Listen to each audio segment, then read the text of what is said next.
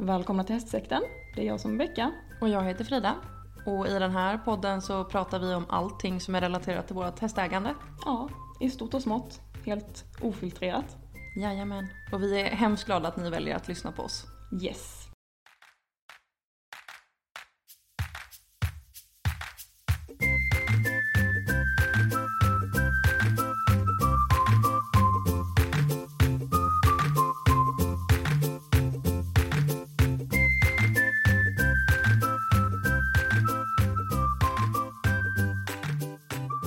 Välkomna tillbaka. Välkomna. Ny vecka, Mm, nya möjligheter. exakt. ja, hur mår du? Jag mår fint, hur mår du? Ja, men jag mår bra. Varit mycket idag, men överlag så mår jag bra. Härligt. Mm. Mm. Vad har hänt senaste veckan då? Vi eh, har varit ute och ridit i skogen med din mamma Mm. och eh, det gick bra. Vi kom hem eh, överlevande i alla fall med eh, Nynna och eh, Mackan. Mm, de tyckte att det var Lattjo Lajban och leka i skogen tillsammans. Ja, de var, de var lite, lite tossiga. En aning. Mm. Så att eh, det var tur att vi hade Gosson framför. Ja, som en stoppkloss liksom. Ja. Mm. Hur hade det gått annars tror du? Jag vill inte veta det. Nej. Mer då? Vad har du gjort mer? Ja, vad har jag gjort mer? Jag har eh, skrubbat massa rasp och mugg typ eh, hela veckan. Mm. Eh, Jättetråkigt att det aldrig ger sig men eh, det känns som det börjar kanske ge sig lite nu. Skönt. Ja, och sen har jag ridit på som vanligt. Det går ganska bra tycker jag. Har inte haft någon träning den här veckan. eh, Men det har ju du. Ja, jag har haft träning med båda hästarna. Mm. Krävde en del planering. Mm. För jag har inte lastat dem tillsammans. Och jag kom på det här väldigt impulsivt. Det saknades en person. För att det skulle bli träning. Då tänkte jag att jag tar båda hästarna. Ehm, och det var lite för kort för att lastträna dem ihop i bussen. Så att eh, jag bestämde ett schema. Eller mamma och du fick anpassa sig till ett schema. Mm. För att båda hästarna skulle ta sig dit. Så vi fick åka, ni fick åka skytteltrafik fram och tillbaka. Precis. Men det gick ju bra. Mm, det gjorde det. Det var lite obehagligt som kontrollfreak att släppa den kontrollen. Men jag visste att ni hade koll. Ja, jag hade ju skrivit upp en lista eh, med allting som skulle göras, vilka tidpunkter och vilken häst som skulle ha på sig vad och när allt skulle göras liksom. Så att Så det, det var gick gulligt bra. av er. Det gick bra. Det var tacksamt. Träningen gick bra. Jag eh, var första gången med Mackan för den tränaren. Mm. Och eh, jag sa att vi har problem med distanser. För Mackan tycker att två hinder är ju dubbelt så roligt. Så att det går bara fortare. Eh, men det gick bra. Och sen så tränade Trulle, han kändes väldigt fin. Vad har hänt mer? Ja. Det har inte varit så mycket mer. Det har varit vanlig ridning. Mm. Och sen så kommer sadelprovaren till Trulle imorgon. Just det. Ja, Mm. får vi se hur fattig jag blir efter det. Vad tror du de kommer säga då? Eller hon? Att jag behöver en ny sadel. Ja, du tror det? Ja, Mackans passar inte. Nej. Eh, Det är Ja. jag helt övertygad om. Sen behöver jag ju en till sadel oavsett. Men hur märker du att den inte passar då? Jag tycker att den glider, Mm. så jag tror att den är för vid. Men det är min eh, icke-professionella diagnos utav min sadel. Mm. Jag ska också ta ut salutprovare men det får bli ja, lite senare i vår eh, nu någon gång kanske. Mm. Tidig sommar. Vi får se. Den är nog inte helt, helt hundra heller. Nej, tror hon inte. har väl ändrat sig en del också. mm. Exakt. Det är ett tag sedan. Ha, vad ska vi prata om den här veckan då? Vi ska prata om eh, unghästar. Jajamän, Mm. vi kör igång. Det gör vi. Ja, men vi tänkte ju att vi skulle prata lite om eh, våra erfarenheter när det kommer till unghästar. Och vi är ju inga proffs på något sätt när det kommer till unghästar. Absolut inte. Nej, men eh, jag har ju haft två unghästar av tre hästar som jag haft. Mm. Du har ju också haft några unghästar i alla fall. Ja, Mm. inte några så här jätteunga. Vi har ju haft några föl, men inte jättemånga som jag har ridit så. De har ju Ridit in. oftast varit, ja, ridit in, utan det har väl kanske varit fyra, femåringar i så fall. Mm. Så ni har inte lämnat iväg någon på inridning eller så? Nej, det har vi nog inte gjort. Nej. Och det är... Har du Jo. gjort det? Nej, jag gjorde inte heller det utan jag hade hjälp med tränare hela vägen. Mm. Eh, och det tror jag är väldigt viktigt att man har om man skaffar unghäst. Mm. Och speciellt om man inte kanske har erfarenhet av unghäst innan liksom. Nej. Eh, Och ja, det är väl någonting som kan bli ett problem många gånger också när man köper en, en unghäst och inte har erfarenhet men tror att man, man klarar den då. Mm. Det kan bli ganska fel. Det är väl någonting som jag känner att jag vill belysa med eh, unghästar som jag har tänkt mycket på. För det är många som har en sån här dröm om att unghäst ska vara, ja men du ska få forma den helt själv. Mm. Eh, ni ska växa tillsammans. Och jag tror att det kan bli ganska fel många gånger om man som ryttare inte har den erfarenheten. För att ja, men det handlar ju om en ekonomisk aspekt liksom. Mm. Att det kanske är billigare att köpa en outbildad häst än en utbildad såklart. Eh, Men jag tror att det är bättre i många lägen då kanske köpa en äldre läromästare som inte har jättemånga år kvar. Och Det få lära tror jag. sig som ryttare först innan man tar sig an den uppgiften. För det är inte helt enkelt många gånger. Nej, det är det absolut inte. Och jag tror att många tänker nog lite drömmigt när det kommer till unghästar att man vill växa tillsammans och göra allting tillsammans och en egen väg ihop och Precis, forma den helt själv. ja, precis. Men det är inte alltid så Nej, enkelt. det har jag fått erfara. Ja, exakt. Ja, men Ja. berätta lite om dina två unghästar. Ja, men ehm, Hur den först- resan har varit liksom. Ja men första unghästen var ju prick eh, som jag köpte då. Som var en korsning eh, med knabbstruppar som var ganska stor tjej. Eh, Hon var eh, tre år när jag köpte henne och jag eh, tog hjälp ganska omgående med henne. Hon var insutten men hon var inte inriden. Så hon hade haft en ryttare på ryggen. Eh, Men jag började i princip ändå med inridningen och typ hänga på och sådär. För jag visste liksom inte hur pass mycket de hade gjort i det jobbet. Så att, eh, ja, eh, och sen eh, började vi tömköra ganska mycket Mm. faktiskt. För, för att just förstå det här med eh, styrningen och halt och, och framåt och ja, höger, vänster liksom. Så att de förstår hur det känns i munnen, man har ett bett i munnen liksom. Och det, det är så jag har gjort även med nynna egentligen. Börja med att tömköra och eh, sitta på, eh, ta det väldigt försiktigt. Låta dem få liksom vila emellanåt när man introducerar nya saker, går väldigt långsamt framåt, det tror jag är nyckeln. Eller det har varit för mig i alla fall. Och som sagt alltid ha någon kunnig vid sidan av som, ja, men som kan hjälpa till när man, när man själv inte har kunskapen längre. Liksom. Har du låtit andra rida dina hästar eller hur har det funkat? Jag har ju velat det typ, men eh, nej, jag, det är typ först senare egentligen i, när jag har ägt mina hästar som Mm. det är någon som har hoppat upp och ridit. Mm. Men eh, min första häst Prick red ju min tränare lite senare. När hon var inriden och utbildad sådär. Eh, och Nynna tog det också väldigt lång tid innan någon hoppade upp och red på faktiskt. Men det tror jag är viktigt annars. Det hade jag nog, om jag hade fått göra om den, den resan som jag gjorde med de två så hade jag nog velat ha någon, någon mer som kanske hade suttit upp sådär. För att man har ju lite olika syn och tankar liksom och idéer och Det tänker jag generellt inom ridningen också, att våga ta hjälp och våga sätta upp någon annan. Ja, Och att det faktiskt är okej att någon annan kan rida din häst bättre än vad du själv kan. det är väldigt bra att tänka så. Ja, Det är nog alldeles för få som tänker så överhuvudtaget utan man tänker att man är nästan lite stolt över att det bara är jag som kan rida min häst. Och ja det jag- är en sån här konstig stolthet tycker jag, för vi ska väl Ja. ändå på något sätt sträva efter att utbilda hästar som så många som möjligt kan rida. Exakt. I alla fall vi som håller på på hobbynivå. Mm.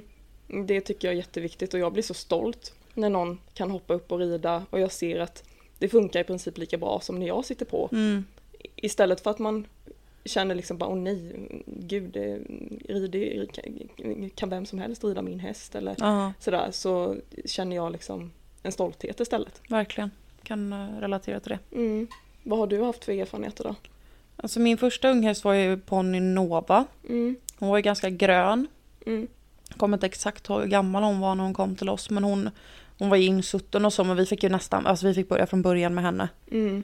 Och eh, nej men det gick bra. Mm. Det gjorde det, det var många vever och jag var väl ganska totalt orädd. På Hur den gammal tiden. var du då? Och jag vet inte, jag är ett C-ponny. Mm. 11-12 kanske, Mm. någonting sånt. Kan jag ha varit. Eh, och jag var, fördelen då var väl att jag var ganska orädd liksom. ja. Som hon var på den tiden. Eh, och sen dröjde det många år. Jag hade en tränare som tyckte att nej, men passa på att rida läromästare så länge du kan liksom. Klokt. Så att jag hade ju två storhästar som var läromästare innan jag skaffade Ville. Ville var ju bara fem, fyra var han nog när jag fick honom. Mm. Han hade hoppat pay and jump en bana på 60 centimeter. Mm. Kom hem till mig. Och han var ju ändå ganska enkel att ha att göra med för att vara en ung häst. Och det jag har fått erfara senare utav unghästar. Ja. Men eh, det är klart att det var, jag vet att jag hade dubbla ledare till exempel första tävlingen som vi var ute. Han var väldigt pigg. Men han gjorde, hade liksom inga dumheter för sig på det sättet. Han var pigg och så kunde han vara lite spuckig och titta på grejer liksom. Ja. Men inte dum på det sättet. Sen har jag ju haft två unghästar efter där det visar sig att båda haft fel på sig. Ja. Den ena, världens finaste, som jag hade tillsammans med Ville, Vadde heter han. Mm. Han var fyra år, fyra knähöga vita strumpor, Mm. riktig drömhäst. ja, han var jättefin. hoppade helt fantastiskt. Men eh, kunde flippa totalt eh, och slå om. Det var han som reste sig och gick över med mig så jag spräckte min hjälm. Ja. Och där någonstans så hände det någonting med mitt självförtroende också för jag har alltid... Ja men alltså man var ganska tuff som ung och jag har ridit mycket hästar och så. Och alltid känt mig ganska tuff och vågat sitta upp på folks hästar. Jag satt ju upp och hoppade din ung häst och tyckte att jag var totalt orädd för det. ja, precis. Eh, tills att Vadde gick över med mig och jag säger att det faktiskt kunde gå fel. För jag hade nog inte riktigt det i bakhuvudet liksom innan det hände. Nej. Sen visade det sig ju senare att det var ju faktiskt fel på honom. Eh, så vi fick eh, tyvärr ta bort honom väldigt ung. Och eh, sen då också följt utav eh, den egna uppfödningen vi hade. Mm. Utav min eh, semlan så tog vi ett föl. Och eh, jag tyckte att den här hästen hade bara för mycket blod för mig. Han var väldigt högblodad, eh, ja, liksom, som vi avlar mycket idag. Och jag kände att jag ville ha någonting som gav mer självförtroende så jag bestämde mig för att sälja honom.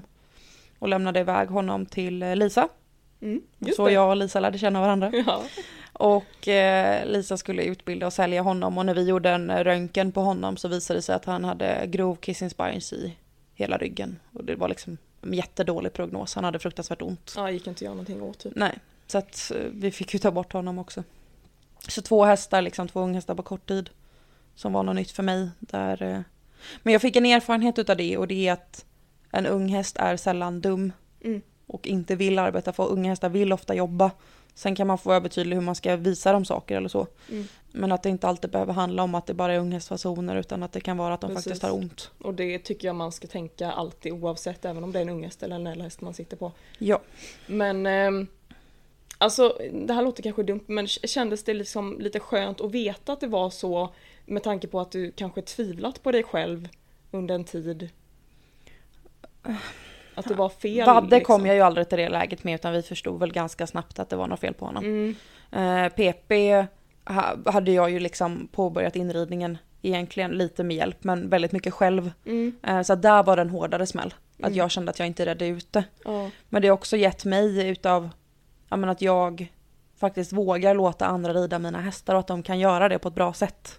det är viktigt. Att man inte behöver ha den stoltheten själv att det är bara jag som reder ut min häst. Mm, Nej, men precis. Så att visst att det var en smäll då, men idag så känner jag inte så. Nej, Men det är väl också kanske för att jag har fått jag börjar få tillbaka mitt självförtroende eftersom att jag har fått Mackan till exempel Ja. som, som verkligen Ja men han kom på precis rätt läge i mitt liv. ja men Jo, i verkligen. min ridning. Jag Ja. behövde honom där jag fick honom, eller där jag köpte honom.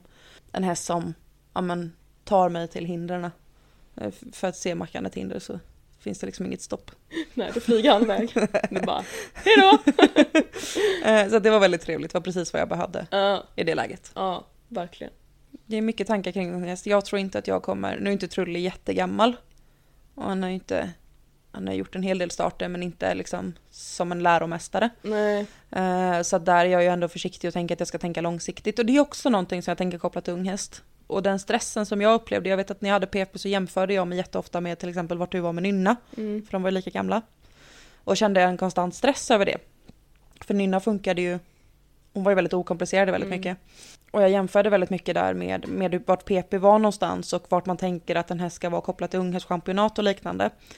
Eh, Och jag tror också att det är viktigt att våga Alltså det behö- du behöver inte matcha din unghäst mot unghästchampionaten. Och jag har också pratat med folk som jobbar ja men, mm, kopplat till stora stall. Eh, och det är många som väljer att rida unghästchampionaten på de hästarna de ska sälja för man får bra betalt för dem. ja, Det är inte alla som väljer att ta ut de hästarna som de har tänkt Att de kanske ska ha som mästerskapshästar längre fram. Nej, så är det ju. Det har man ju många gånger. Mm. Ja, för att de vill att de ska ge dem tid och få, få växa långsamt liksom. Men sen är det ju så här också att alla är så himla individuella. Ja, Alltså, jag kände väl att typ Nynna hade ju inte de bästa förutsättningarna för hon hade ju inte varit hanterad i sitt liv innan hon kom till mig. Och hon eh, visste typ ingenting. Och Hon eh, var i princip en vildhäst när jag fick tag i henne liksom. Och det- jag menar hur, hur lätt hennes inridning gick, det hade jag nog inte ens kunnat drömma om. nej. Det hade ju lika väl kunnat, Ja, Hon var ju Sätta väldigt stopp. okomplicerad i, i inridningen. ja. Sen var det ju mycket runt om med hanteringen och att hon skulle lämnas ensam eller lasta och liknande som Exakt. kunde vara problematiskt eftersom att hon hade växt upp som hon hade gjort. ja. Men just ridningen var ju ganska okomplicerad. Ja, menar jag. hon var väldigt, väldigt snäll men det är som sagt, det, det vet inte jag riktigt vad det beror på. Om hon är trygg på något sätt med mig eller om det är någonting annat. Och det, många kanske tror att det kanske har med rasen att göra, jag vet inte, jag tror att jag, jag tror att det har någonting med kanske, ja men det kanske har någonting med henne och mig, att hon Mm. hade tillit till mig på något sätt. Jag, jag, vet, jag vet inte. Men alla är individuella och man kan inte jämföra någon med någon annan. Det, det är så himla svårt. Sen är det ju som, mm, det är ju en diskussion som förs också, det är att vi avlar väldigt mycket. Framförallt på våra hopphästar med väldigt högt blod. Ja, Och vi behöver inte kanske så högt blod egentligen för att rida, vi som är på hobbynivå. det är likadant i dressyr, med dressyrhästar. kan man säga. Problematiken är att det kostar lika mycket att ta fram en häst som är en hobbyhäst som det gör att ta fram en, en bättre häst. Det finns inga hobbyhästar längre. Nej. För alla, alla oavsett eh, om man är eh, ja, men uppfödare på eh, alltså, a- eh, hobbynivå så tänker man stort. Man tänker Ja. alldeles för stort. Man vill ha den finaste, bästa eh, hingsten och man tänker inte riktigt vad det kanske vad det är för, för stor man har hemma, om det är lämpligt. Men jag tänker också att det är många som har likt min situation där jag var när jag hade semlan och red 1,30 och 35 och kände att jag vill ta mig till 1,40 men semlan räckte inte dit. Ja men då skaffar jag en unge så kanske jag har möjligheten att ta mig dit. Mm. Och även om du i dagsläget kanske tävlar på en annan nivå så finns ju alltid drömmen om att tävla lite högre. Mm. Så man köper ju kanske en häst som har lite för mycket blod. Ja, men det är ju det som, som kommer som ett brev på posten för att man tänker nog mest prestationsmässigt, man tänker inte riktigt på vad det är mer man får utöver den här För prestationen. hingsten man kollar på kollar man ofta på hur hoppar den. Ja, Hur den byggt exteriört. mm, Och kanske inte jättemycket på hur den är i temperamentet. nej, som är väldigt viktigt. Ja, även stoet också. Men det är ofta Mm. hingstarna man kollar på. Mm, Mm. och det, Jag tror att det är viktigt. det tror jag också. Sen finns det ju fördelar, det finns ju nackdelar med unghästar. Att jag, så- som i mitt läge till exempel när jag jämför. Sen tyckte jag att det var väldigt skönt att tävla unghästklasser. Det var jättemysigt. Ja, det kan jag Det var ju förstå. verkligen så här, ja, men nu är det bara du och jag ville. Och det är bara våran prestation tillsammans som spelar någon roll. Mm. Gud vad skönt. Ja det tyckte jag var väldigt skönt. Det är någonting jag saknar när det kommer till dressyren faktiskt. För det finns inga ung- unghästklasser. Mm. Och det har varit väldigt tråkigt på ett sätt för att man har kommit ut eh, och ska börja tävla på sin unghäst. Så tävlar man med rutinerade hästar som är kanske 15 år som har gått samma klass i Mm. två år liksom. Ja då gäller det att inte jämföra sig. Exakt, och det är lite svårt. Ja, Det jag är, förstår. alltså jag är specialist på det och det är Mm. så himla dumt. Ja. Det är skitdumt att jämföra Jag sig. känner att det ska bli lite skönt nu med Trulle även om han fyller åtta i år. Mm. Så ska det bli skönt för jag ska ju ge mig ut och börja tävla lite unghästklasser igen. Ja. Men då med en häst som faktiskt har gjort det, det är inte första gången. Hur funkar sådana här unghästklasser? För jag har aldrig fattat det riktigt. Ja men alltså du rider ju bara en grundomgång egentligen. Ja. Sen är det oftast kanske ett språng mer. Så Men det är får, ett till får åtta alla omhoppningen. hästar tävla där liksom? Jag tror att du får tävla oavsett ålder. Mm. Jag vet inte hur det funkar, det kanske kan vara så att du är överkvalificerad. Jag vet inte, det får ni gärna berätta om ni vet. Ja, Lisa har lär ha koll på det här så att det lär hon ha. jag lär få veta sen vad svaret är. Ja. Ehm, men ofta så hoppar du kanske i en vanlig, eh, alltså på en äldre häst så hoppar du kanske 1 till 8, 9 till 13 och på en unge så kanske du hoppar 1 till 9. Mm. Ofta är det krav på om du ska kvala att det ska vara kombination eller liknande. Mm. Men eh, tanken med Trulle är att så länge det känns som att vi behöver det så ska vi gå in och hoppa avdelning B. Alltså unghästklass. Det är väl mysigt? Ja men det ska bli lite mysigt. Jag och Trulle är ensamma. Mm. Ska lära känna varandra. Ja, härligt ju. Det är Ja. jag glad för. Vad tänker du då framöver? Om du ska köpa häst igen, ska du köpa en unghäst då? Nej. Jag har, jag har gjort den biten nu, jag känner mig färdig med det och det, det är väl den här grejen också att det tar sån tid. Det var jobbigt när jag hade sålt prick som då var sex år när jag sålde henne. Och då du hade gjort hela resan? Jag hade gjort hela resan och börjat tävla med henne.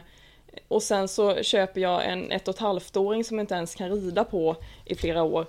Det, det, nej, men det, det, det, var, det var lite jobbigt. Ja, det förstår så, jag. Att jag inte kunde rida på länge. Och du hade ju, bara inom situationstecken, men du hade ju inte någon mer än innan då. Nej, det hade jag inte. Ingen som du kunde backa upp och få ridning i dig liksom. Jag funderar på om det var någon jag red.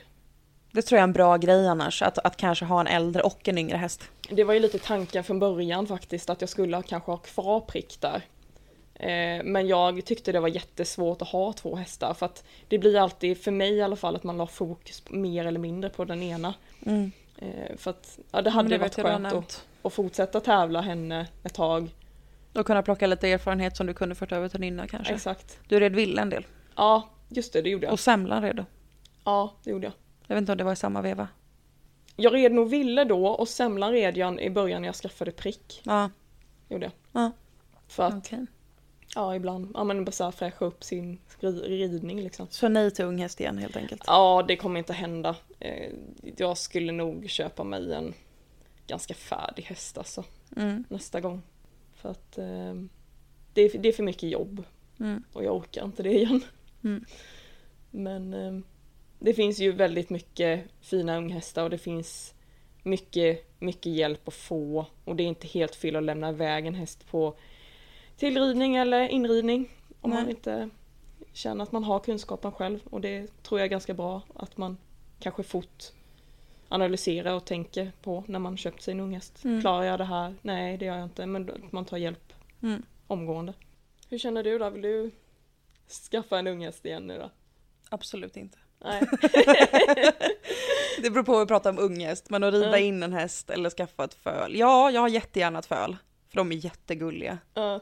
Tills de inte är gulliga längre, då kan någon annan få ta hand om det. Shetlandsföl kanske? ja, Ja, shetlandsponny. sjukt bra. Ja, jag tycker Muffin kan få föl, så Ja. kan vi döpa dem till Cupcake. Ja men det är så smidigt, då kan man bara liksom ta det här lilla fölet och flytta det. Typ Ja. med händerna i princip. Nej, Nej men Mm. Bära på den när den inte vill gå på transporten liksom. Ehm, och jag Det skulle händer. väl kunna tänka mig, ja, men kanske någon gång framöver ha en, en lite äldre unghäst.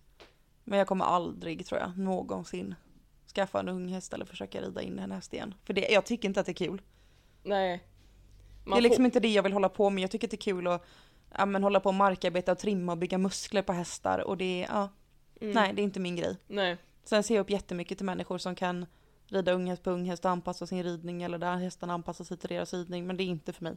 Nej, det, det kan jag förstå. Alltså det, man, man blir lite trött på det. Ja, och jag har blivit för rädd, ska jag väl säga också. Mm. Eh, Efter att jag har haft unghästar som har rest sig och gått över till exempel. Nej och anledningen till att jag inte vill det är nog mest för att det tar sån tid tror jag. Jag, jag orkar inte den resan igen. Även om jag har haft väldigt snälla unghästar. Nej det, det tar för lång tid. Ja. mm. Jag orkar inte det. Ha, har du någon faktaruta den här veckan? Ja men det har jag faktiskt. Är den kopplad till unghästar? Ja Kul! lite faktiskt. Shoot!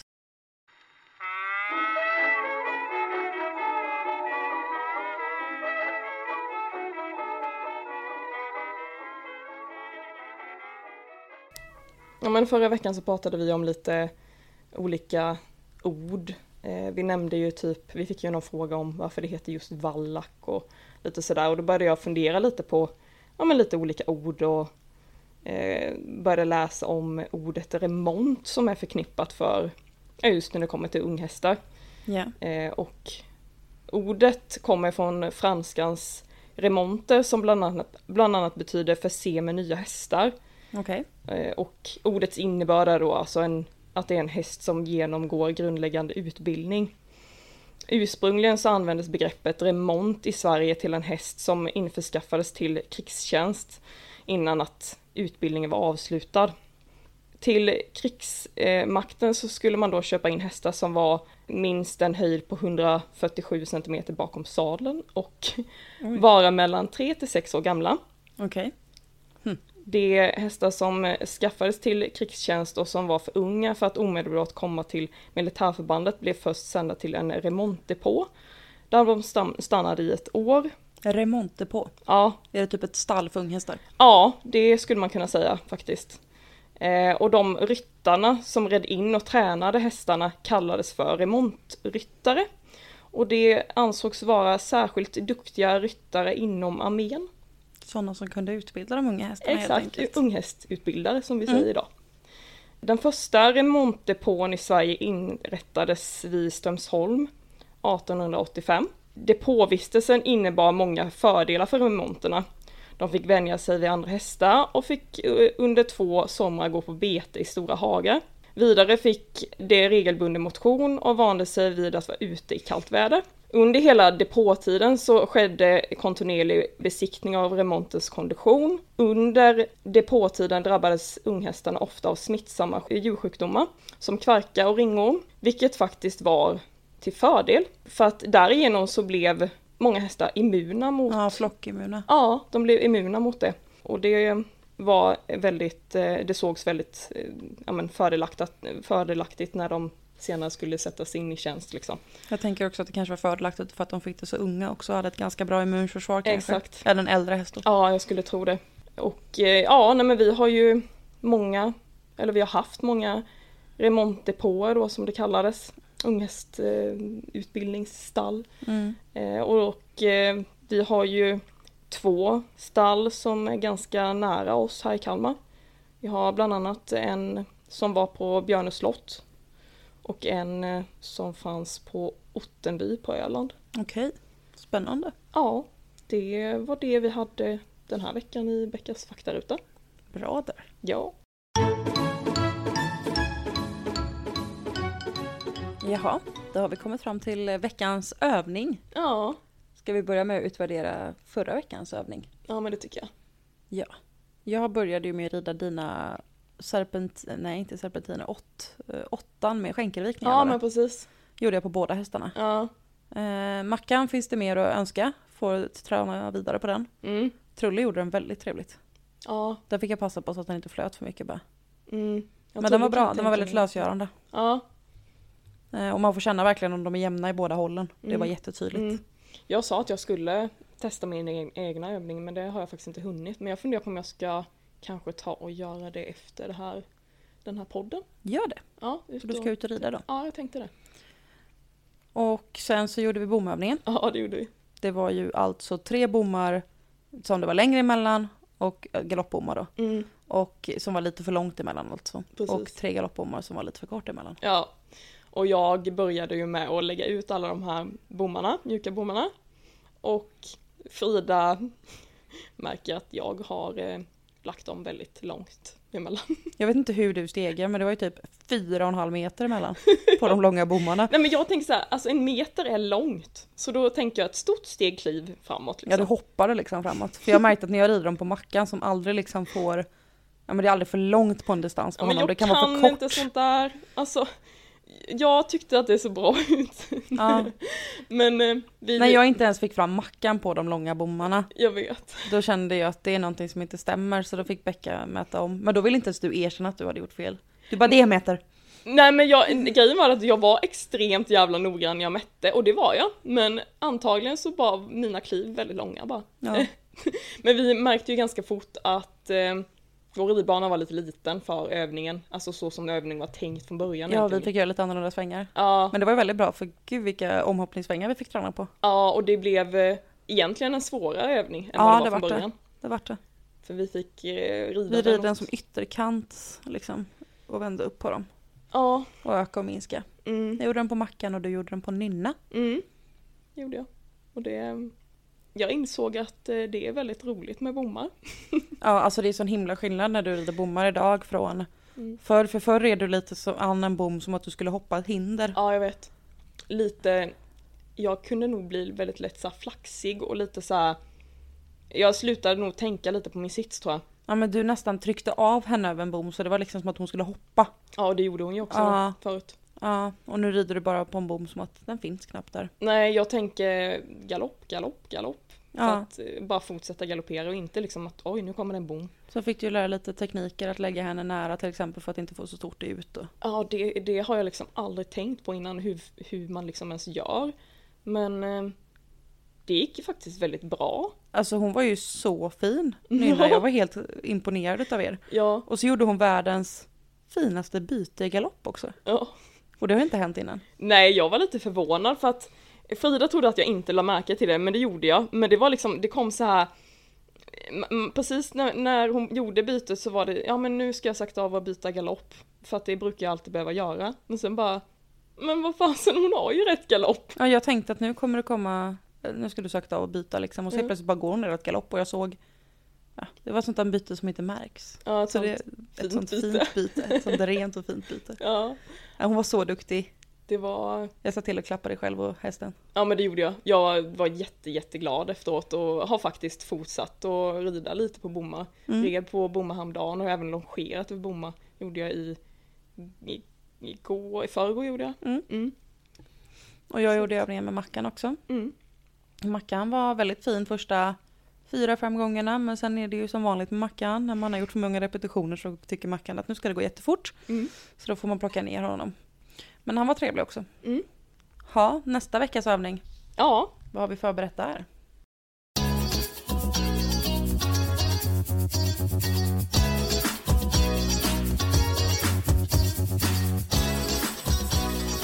ja men eh, veckans övning för dig kommer handla om eh, förvänd galopp.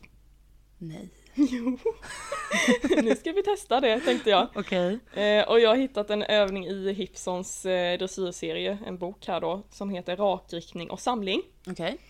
Och då är det på sida 32 och 33. och då är det eh, Kira Kyrklund som har eh, presenterat en, eh, en övning som är eh, typ den enklaste förvända galoppövningen som finns, Bra. skulle jag säga. Eh, Det man- låter bra. Ja, vi börjar där liksom.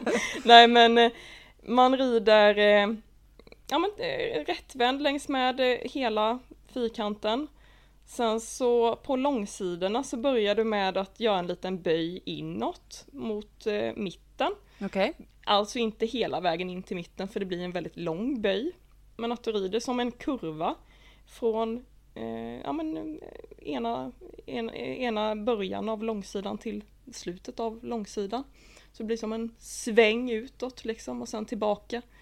Eh, och sen så rider du i, fortsätter du i rättvänd och sen gör du likadant på andra långsidan att du svänger ut galoppen ut mot mitten. Inte hela vägen ut till mitten för det blir väldigt liksom brant eh, kurva eller vad man ska säga. Och sen tillbaka. I den här kurvan så blir det ju en förvänd galopp. Liksom. Precis. Då rider liksom i, vad ska man säga, fel galopp. Fast Det låter som en eh, lagom början att testa på. Ja, men jag tänkte det. Och jag tänkte att eh, vi börjar att du får eh, göra den övningen med, prova den på Trulle och Mackan om du vill. Och sen att du får sitta upp på Nynna och så kan vi göra lite annan förvänd galopp, Mm. andra, lite, lite andra Så övningar. jag får i lite förvänd galopp. känsla för den här som Ja men kan det. precis, för det är lite Man sitter ju faktiskt i i en felaktig galopp kan man ju säga fast det, det, det är rätt. Man, man, Mm. vill- man, alltså det, för, för dig om du har bestämt dig att det ska vara en felaktig galopp så är det ju förvänd galopp typ. Ja, jag förstår. Så att ja, vi börjar där. Spännande. Mm. Ja. Vad ska jag göra? Du ska få göra en övning som finns i en annan Hipson-bok som Mm. heter Styrka, kvickhet och lydnad. Jaha, Det var lite roligt för den är på sidan 32 och 33. nej, Samma. skämtar du? Och den här heter då Kul bana även för unghästar. Ja. Så den här veckan ska vi hoppa bana. Nej. Nu börjar vi utmana varandra. Nej, men på sluta. riktigt. Så att vi ska börja med att eh, hoppa lite på böjt spår med, som en liten miniserie. Mhm. Med eh, bommar och eh, nästan som små studs skulle man kunna kalla det. Och sen så ska vi hoppa som en liten fyrkant som ja, det blir typ en liten studsövning. Eh, och syftet här är ju då lydnad och gymnastik och för att få dem smidiga. Och sen är det en bra övning också för att hästarna får självförtroende eftersom att själva hoppningen är ganska lätt. Mm. Så att vi ska sätta upp lite små hinder den här veckan och Nynna ska få lyfta på tassarna. Men om du säger som en fyrkant, hur tänker du då? Eh, den kommer vara som en fyrkant på mitten så att du kan ta den från olika håll. Okej, Eh, men vill du läsa mer om bo- övningen så finns den då till lydnad. ja men det blir spännande. Och jag har faktiskt beställt en ny Hipson-bok också. Nej, Mm. har du? Bommar. Oj, Så det skulle vara typ 32 olika bomövningar. oj. Ja. Så vi ska prova allt. Det ska vi absolut göra. Jag har ju också lite bomövningar i en av mina böcker, insåg jag Mm. Ja. i min dressyrbok. Ja, Men- eh, det är bra. Ja, det är det verkligen. Ja, vi eh, Kul. återkommer med resultat. Ja, men det gör vi. Ja, då är det dags att knyta ihop säcken för den här gången. Ja, det var lite kortare avsnitt idag än vad vi brukar. Ja, Så ni kanske har sluppit få skavsår i öronen idag. typ så. Några kanske blir nöjda.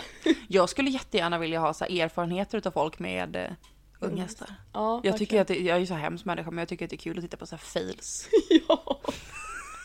Det behöver ju inte vara kopplat till unge häst precis, men Nej, men mycket är ju det tyvärr. ja, det är det ju. Så har ni någon fail oavsett om det är en unghäst eller inte så skicka gärna det. Ja, Det där var har- skitroligt att höra jättekul. vad ni har varit med om. Mm.